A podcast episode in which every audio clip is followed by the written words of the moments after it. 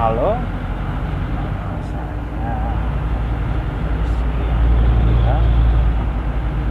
Saya umur 25 tahun. Awal 2019 Tujuan saya bikin podcast ini Sebenarnya pada dasarnya kesah Soal bucin atau apa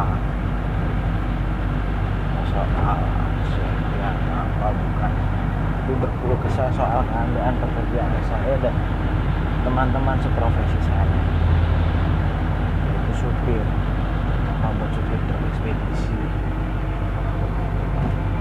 barang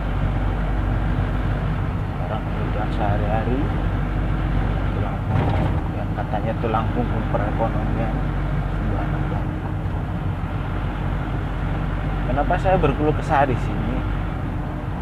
Karena pada umumnya orang-orang memandang saya, kami, para supir truk itu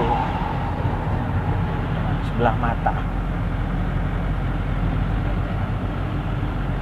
Ya kalau bisa dibilang diremehkan.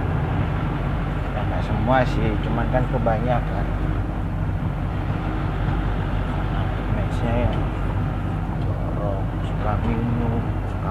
Mampir, apa-apa, apa.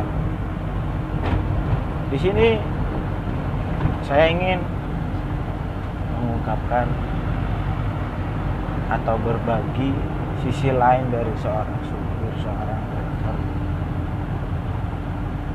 pada semua semuanya yang mendengarkan podcast ini.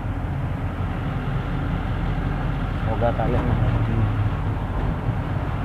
Inilah kami para supir.